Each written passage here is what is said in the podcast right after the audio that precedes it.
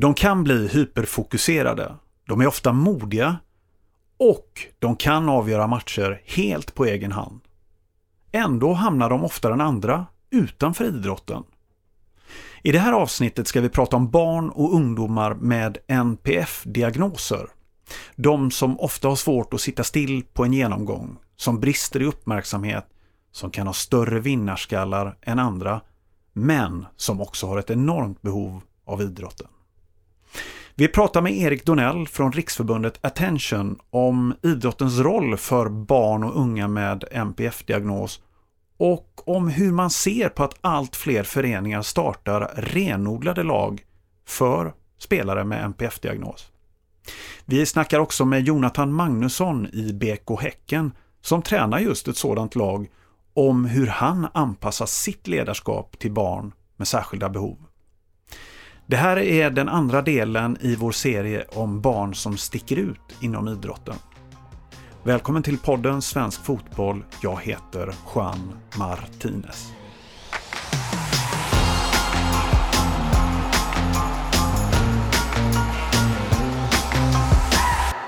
Då säger vi hej till Erik Donell, vice ordförande i Riksförbundet Attention. Välkommen Erik, hej! Tack så mycket, trevligt att få vara med. Du Erik, eh, först kort, vad är NPF? Ja, alltså NPF det är ju en härlig liten akronym. Det står för neuropsykiatriska funktionsnedsättningar och det är ett samlingsnamn för några olika diagnoser. De man oftast tänker på det är ADHD, autism och Tourette och språkstörning brukar också allt mer räknas dit. Men det finns ganska många närliggande diagnoser, men det, det är de där vi brukar svänga oss med. Du, hur ser ni på renodlade NPF-lag från Attentions sida? Är det bu eller bä? Är det någonting som idrotten ska ägna sig åt? Ja, alltså det är jättebra, superbra för många. Det kan vara betydligt mer avslappnat för de som kanske känner att man inte alltid är accepterad överallt. Man kan få känna att man är en i gänget, man vet att folk eh, kan det här lite, lite grovt i alla fall. Ja, jag tror, tror det är jättebra att det, att det finns. Så man ska inte integrera de här barnen i reguljära lag så, så mycket? Ja, det är ju det är en mindre del av personer med NPF som kommer att vara med i NPF-lag förstås. Eh, de flesta är ju säkert med i vilka lag som helst. Så det är ju väldigt viktigt förstås att man har bra stöttning i de andra lagen också. Men just att det finns de NPF-lagen, det kan ju vara det som gör att en del idrottar eller låter bli att idrotta. Så att, eh, ja, det är skillnaden för, för dem. Tror jag. Hur bra är idrotten generellt sett skulle du säga på att integrera barn med NPF och att få dem att fortsätta upp i åldrarna med? Ja, det är två saker. Dels så ska jag säga att jag tycker just att idrotten har blivit eh, Ja, det är kanske de som har förbättrats mest på senare tid, som verkligen har kommit.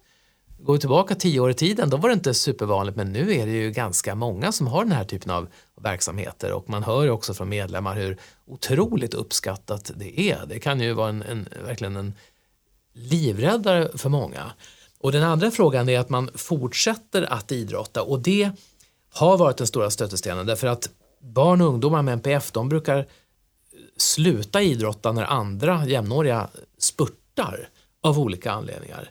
Så att eh, där tror jag i och för sig att de här NPF-lagen kan vara bättre att, att behålla eh, än vad man kanske är annars ute i verksamheterna. Vad är orsaken till att så många barn med NPF väljer bort eller hoppar av idrotten tidigare än sina jämnåriga?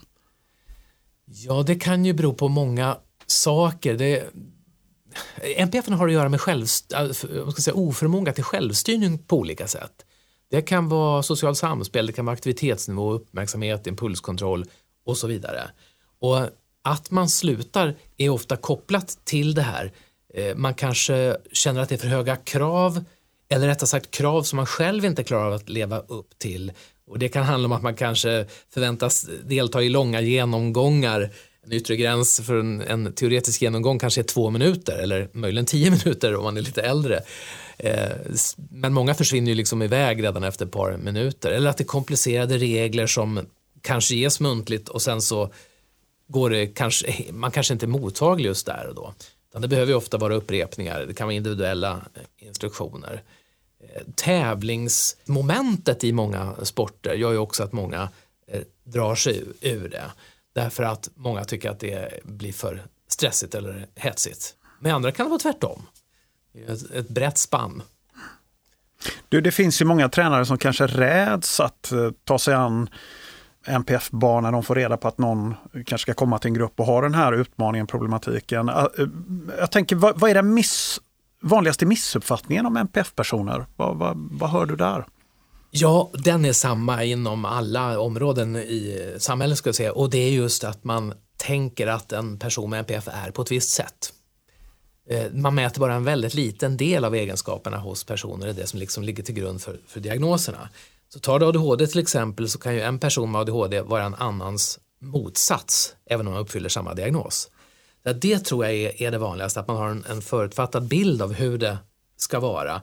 Att det antingen är att någon som inte lyssnar utan bara sitter och, och drömmer, eller tvärtom, att någon som inte sitter kvar överhuvudtaget bara springer runt och är alldeles hyper.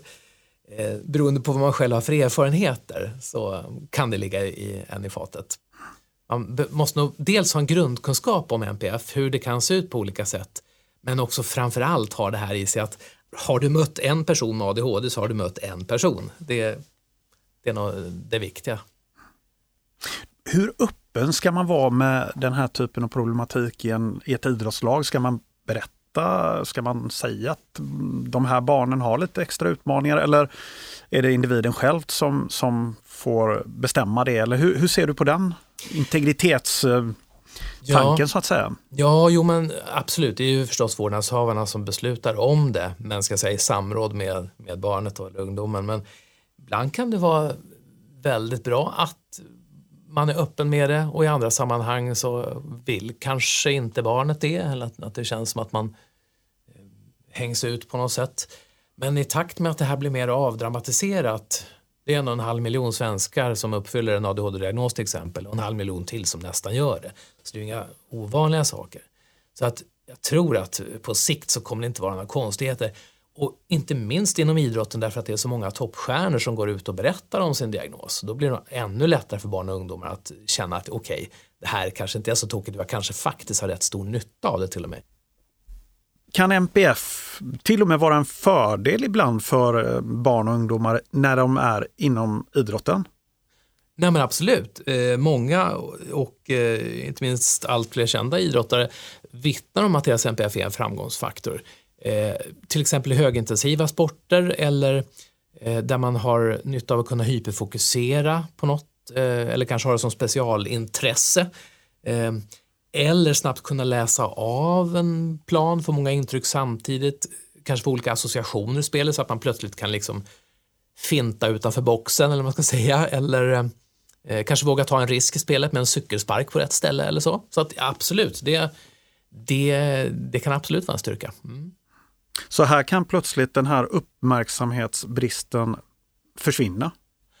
Ja, för så är det ju också att är du så att du hyperfokuserar på en sak, då, då blir det liksom lite tvärtom. Istället för att du inte har någon fokus har du totalt fokus. Så Det kan göra att du kan bli riktigt vass. Det gäller ju inom egentligen allting, men eh, förstås även, även här. Då välkomnar vi Jonathan Magnusson, tränare i BK Häcken. Välkommen Jonathan! Tackar, tackar! Du har startat ett eh, lag för barn med NPF-diagnos. Berätta, vad, hur började allt? Ja, eh, det började ju med att eh, jag började arbeta på BK Häcken som köksmästare. Och då jag har barn med NPF-svårighet så såg jag att här fanns det möjlighet att de kunde kunna träna.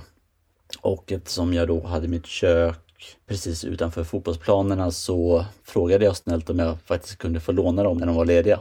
Och eh, i samband med detta kunde ta med mig lite fler barn som, som jag visste behövde detta. För de går ju i en skola där MPF är det primära så att säga.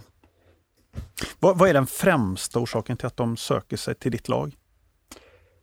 Jag tror att det är att man får just utöva fotboll och att man får en sysselsättning. Och som jag sa så är det svårt för våra barn att anpassa sig till en grupp där det blir väldigt statiskt, att det finns väldigt eh, mycket måsten och mycket regler just för MPF så kan vi inte ha regler och vi kan inte ha måsten utan vi får anpassa oss efter deras situation. Och därför tror jag många trivs att vara hos oss. Måste du förbereda dig på ett annat sätt än, än kanske en tränare som har ett, två eller tre barn med NPF i sitt lag? Eh, ja, det måste jag göra, fast det borde jag egentligen inte behöva göra. Eh, utan jag anser ju att alla barn borde få vara med på sitt villkor, oavsett om det är för MPF eller för normala barn så att säga. Men det måste vi absolut göra och jag tror att det ligger i hur vi lägger upp våra kortare instruktioner. Vi visar mer. Vi har inte de här reglerna som säger att man måste sitta och lyssna i tio minuter för att få delta i, i själva träningen utan här är det barnet som har fokus och det är, det är så det måste vara här. Och man får lyssna av och, och vi får anpassa oss efter dem helt enkelt. Du, jag tänker på NPF-barn som ingår i ett reguljärt lag. Bör man hålla benhårt på reglerna där tycker du? Eller hur, hur ska man tänka där som tränare om man har en, en grupp med ett, två eller tre NPF-barn? Eh, nej, absolut inte. Alltså, barnen är ju där för att vi ska anpassa oss efter deras behov. De ska träna och vi ska se till att de blir tränade och får den träning som de behöver. Det är ju våran utmaning så att säga, att se deras utmaning och sen göra någonting åt den och ställa upp så att de får träna på sitt villkor. Och det gäller ju alla barn, med eller utan NPF. Det gäller oss vuxna också dessutom. Så du tänker att det krävs lite särbehandling av de här barnen när man har, en, när man har dem i vanliga lag? Nej, absolut inte. Man ska, det, man ska inte särbehandla någon. Återigen där med eller utan NPF, utan det är ju vi som ska anpassa en träning som är, som är bra för, för alla. Och självklart så kan man ju finnas där för de som behöver det. Och det är därför vi har vårat lag så att säga, för att vi, vi kan ju finnas där på ett annat sätt. Och det har ju med kunskap att göra. Kunskap och välvilja och lyhördhet och, och alla barn ska få rätt till den träning de har rätt till. Du, barn med NPF, de, de, kan ju ställa till det ibland. Det är i alla fall min erfarenhet som har tränat i tio år. Alltså ofrivilligt om man säger så. De kan, det, det, kan bli upprörda känslor när man förlorar en match och en passning går fel. Och, och, och, de kan ju i andra barns ögon bete sig illa då, bli lite aggressiva och, och kränka och sådär. Hur kan man hantera den problematiken som ledare när det uppstår sådant?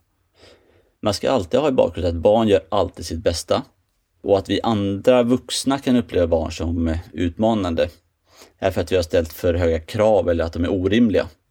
Och här måste vi vuxna sluta se barn som problematiska och, helt enkelt hitta ett sätt att, att eh, ställa krav som är lagom för individen och att istället stötta dem så att eh, Eh, det här är ju en bild som måste bort i allmänhet. Där ordet problematik ska inte ens finnas med. Utan det är ju vi som som har valt att ta oss an denna utmaning och den ska vi, den ska vi lösa så att barnen har rätt krav och rätt, och rätt eh, nivå så att vi kan stötta dem. Men, men det uppstår ju ändå situationer ibland som man kanske inte kan förutse. Absolut, och det är där vi behöver vara pålästa och det är där vi behöver ha eh, en eh, kontakt med föräldrar till exempel, där, dess föräldrar kan kliva in och, och eh, hjälpa till att lösa den situationen eller vi måste vara mer vuxna helt enkelt när vi har tagit emot en, en uppgift och coacha barn. Så det är så jag ser på det i helhet. Säg att du ska ha en samling och en genomgång av dagens övningar.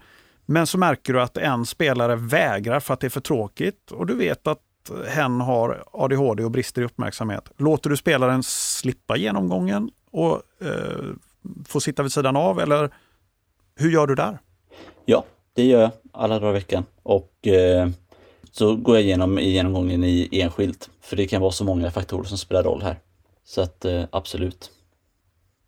Du, om man har ett, ett lag eh, med en eller ett par spelare med NPF och den spelaren alltid kommer sent till samlingar, saknar utrustning, trots att det kanske är en regel som ni har kommit överens om. Hur, hur skulle du göra då?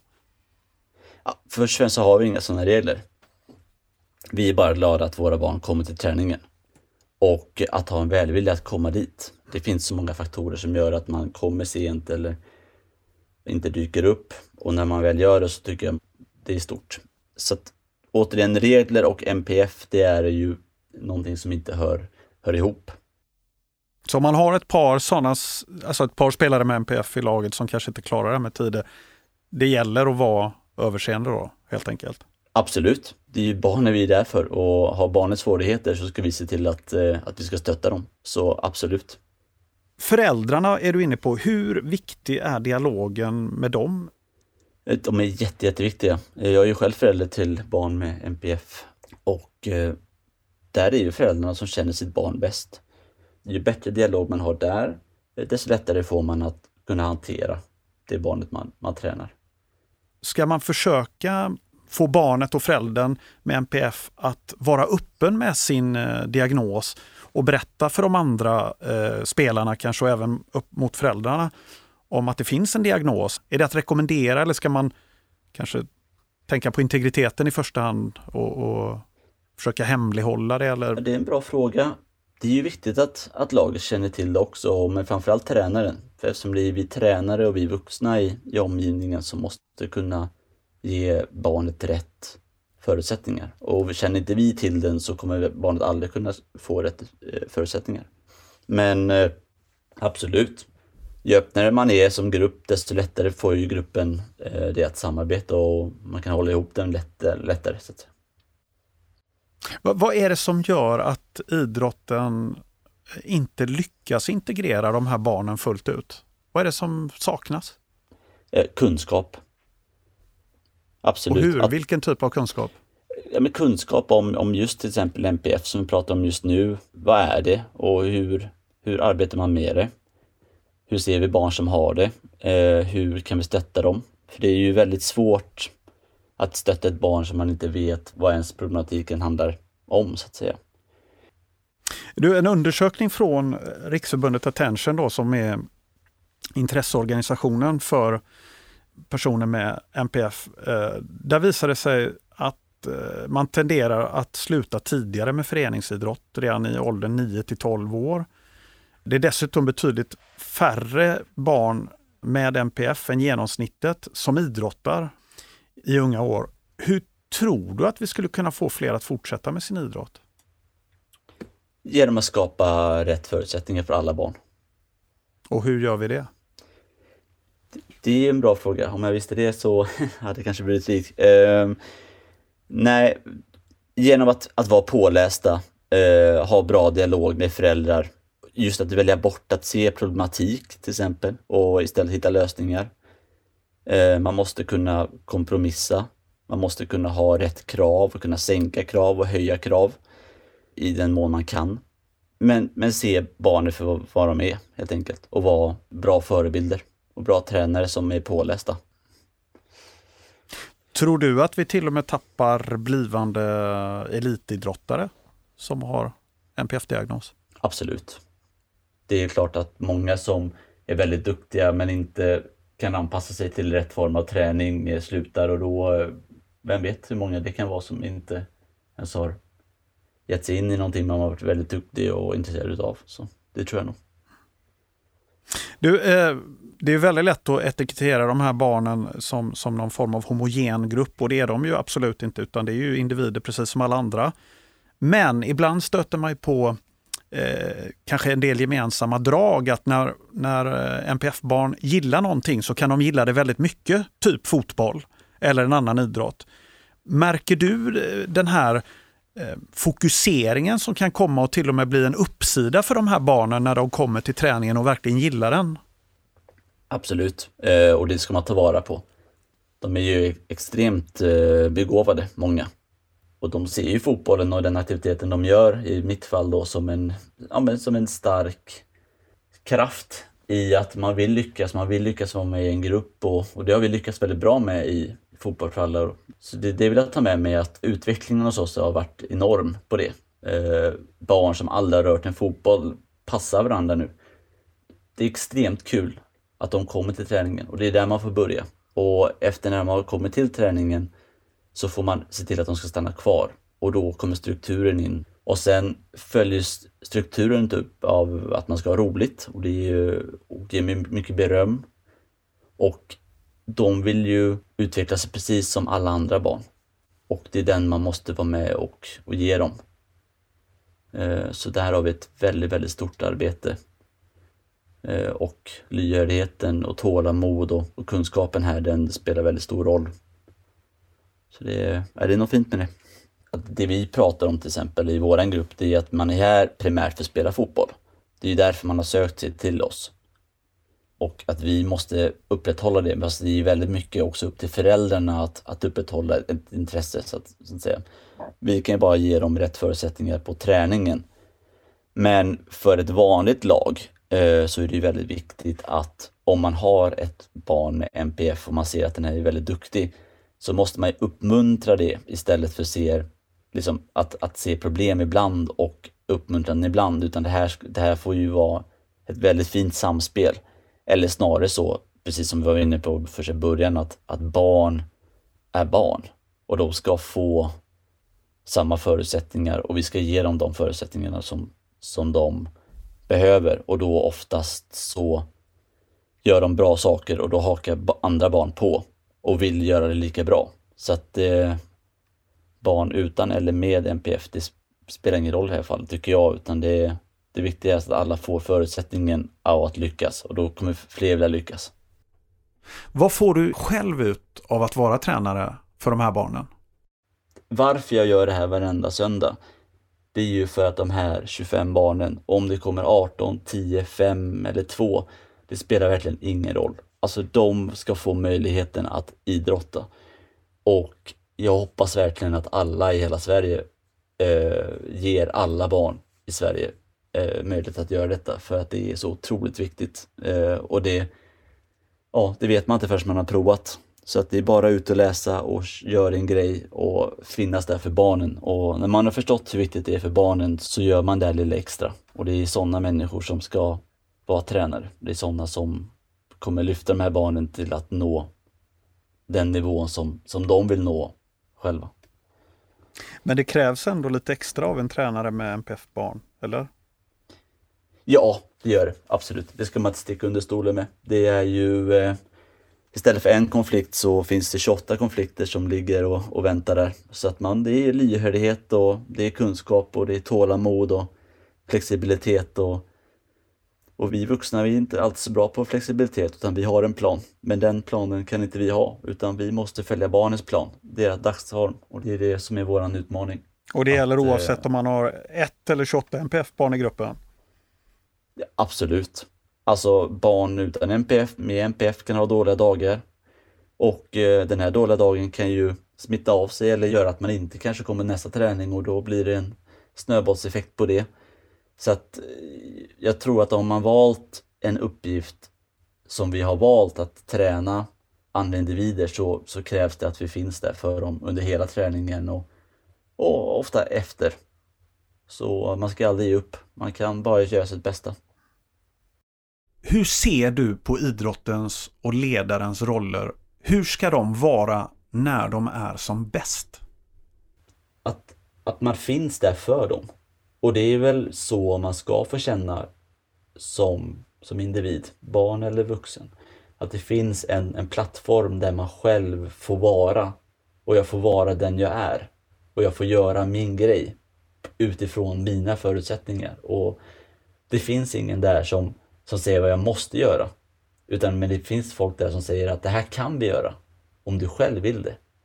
Och det är just det här som man måste ta med sig som som medmänniska. Och eh, kanske det är ett väldigt bra tips till andra tränare att utgå från, från den du tränar och inte dig själv i första hand.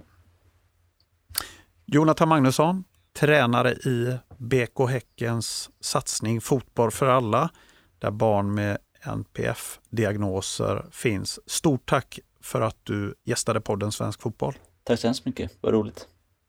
Vi låter Erik Donell från Riksförbundet Attention få sista ordet. Slutligen Erik, hur kan idrotten bli bättre på att integrera barn med NPF och vad kan enskilda ledare göra?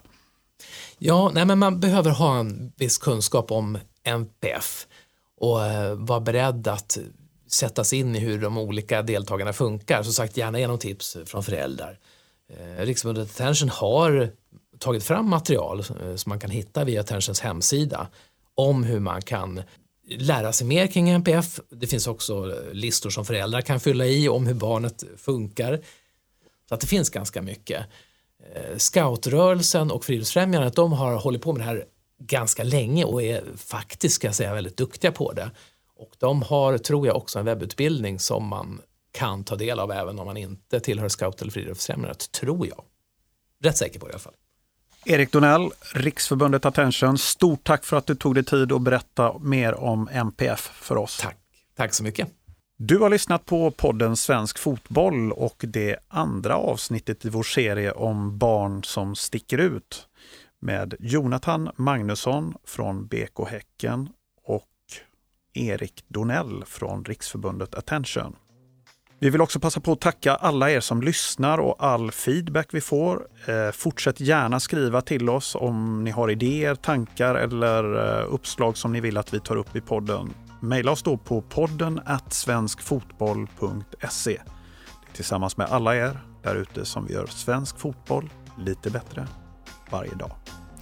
Jag heter Juan Martinez. Tack för att du har lyssnat.